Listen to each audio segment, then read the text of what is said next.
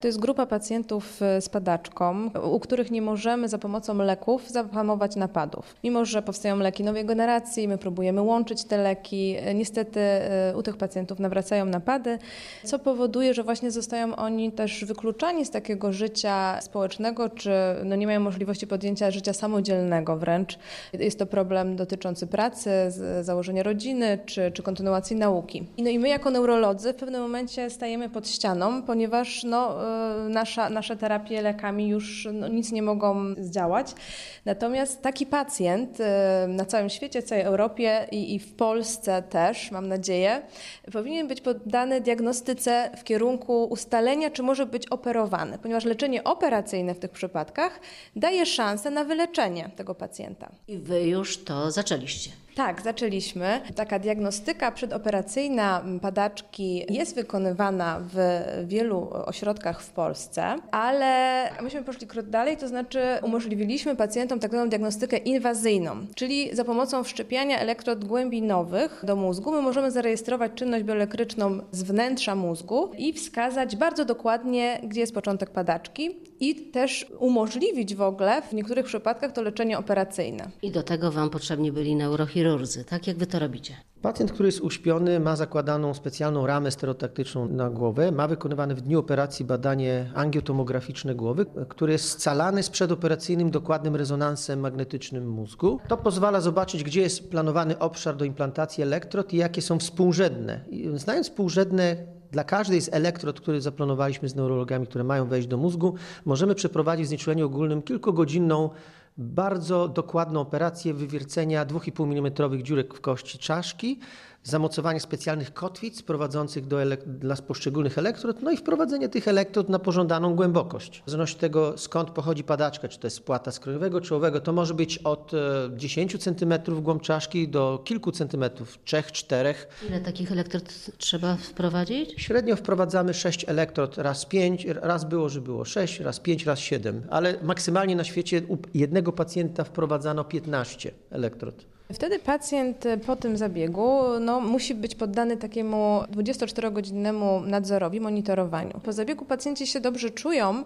Wszyscy ci troje pacjentów po zabiegu byli w dobrym, bardzo dobrej formie. I potem no, my musimy odpowiednio te elektrody podłączyć do naszego aparatu EEG, żeby móc odczytać zapis bioelektryczny mózgu. I co tam widzicie? No właśnie, to, to bardzo ciekawe. Widzimy bardzo dokładnie, w którym miejscu są zmiany, takie nieprawidłowa jest ta czynność. Nie w czasie napadu, ale w takim zapisie międzynapadowym. Ale najważniejsze jest jednak to, żeby zobaczyć, co się dzieje w trakcie napadu. Czyli wy siedzicie przed monitorem i czekacie na napad. To tak można powiedzieć, tak. I to jest e, rzeczywiście, to, to, to jest taka logistyka, żeby zapewnić temu pacjentowi, e, żeby była zawsze osoba, która tego pacjenta nadzoruje. Pacjent jest również nagrywany, prawda? To, co się z nim dzieje, my musimy widzieć objawy kliniczne napadu, a jednocześnie to, co się dzieje, e, jeśli chodzi o zapis bioelektryczny mózgu. I czekamy na ten napad, faktycznie. Czekamy na napad i najważniejsze dla nas jest to, co się dzieje na samym początku napadu, bo wtedy możemy określić, gdzie dokładnie napad się zaczyna.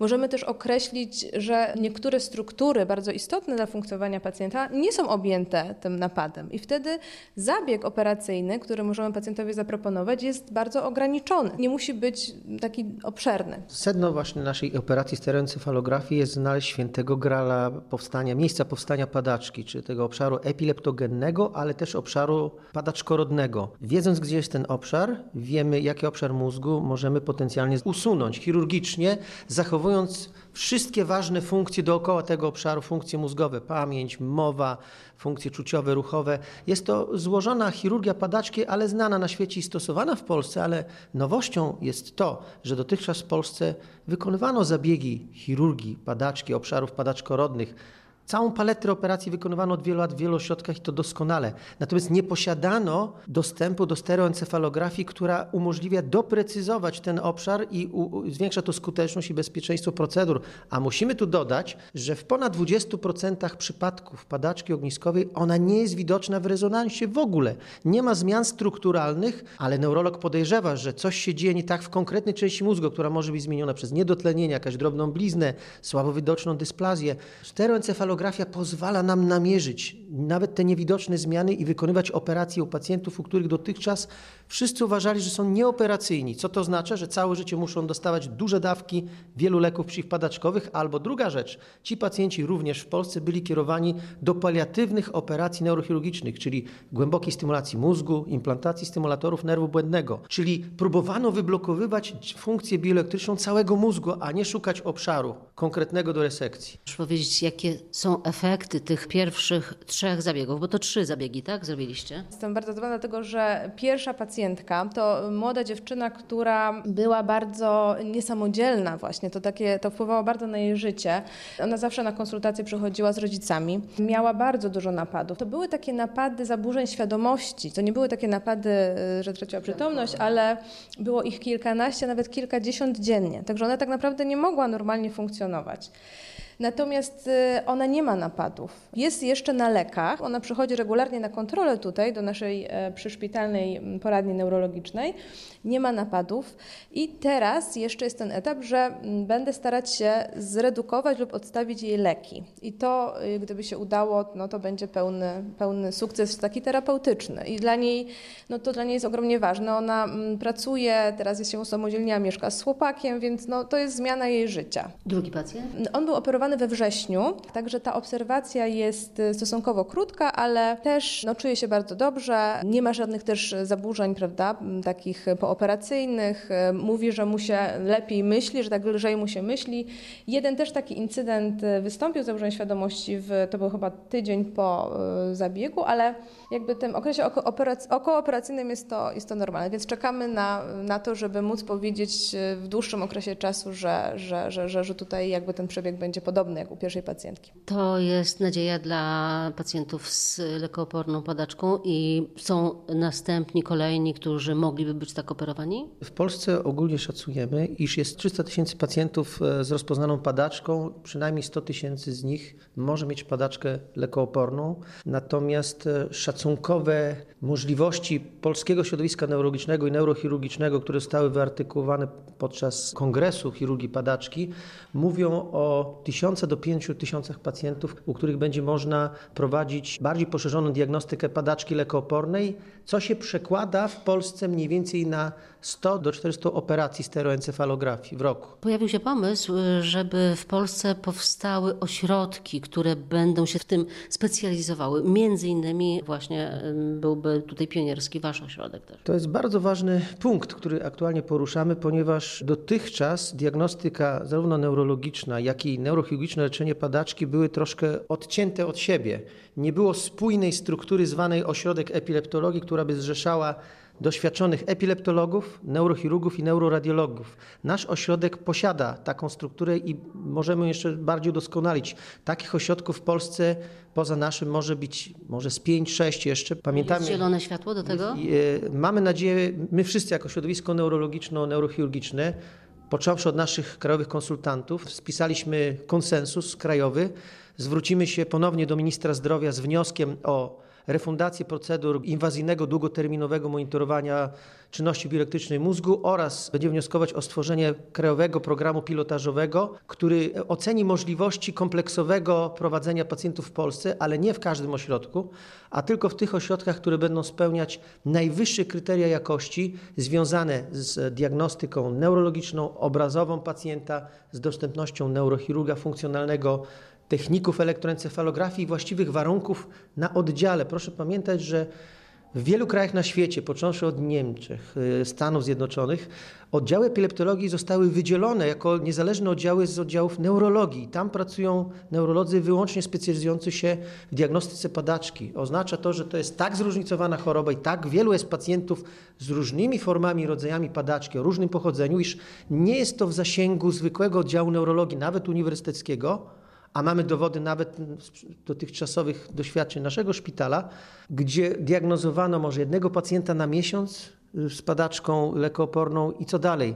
My, jeżeli chcemy pomóc w Polsce i naprawdę rozwiązać problem leczenia padaczki na wzór niemiecki chociażby, każdy z tych 5-6 ośrodków powinien wykonywać po 3-4 operacje stereoencefalografii w miesiącu i po 10 operacji chirurgii padaczki też w miesiącu i wtedy możemy zabezpieczyć taką populację kilkuset pacjentów w roku z padaczką, który pomożemy. Pani doktor, Pani widzi tych pacjentów, którzy czekają na właśnie nadzieję?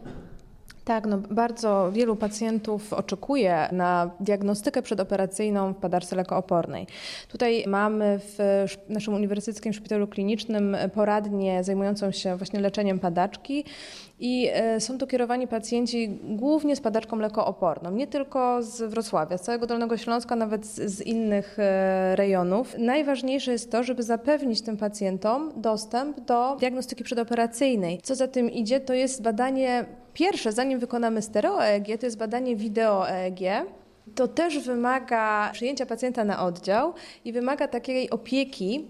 Bardzo ważna jest rola techników EEG, którzy no, muszą być wyszkoleni, e, żeby potrafić zarówno to badanie wykonać, jak i jakby nadzorować pacjenta.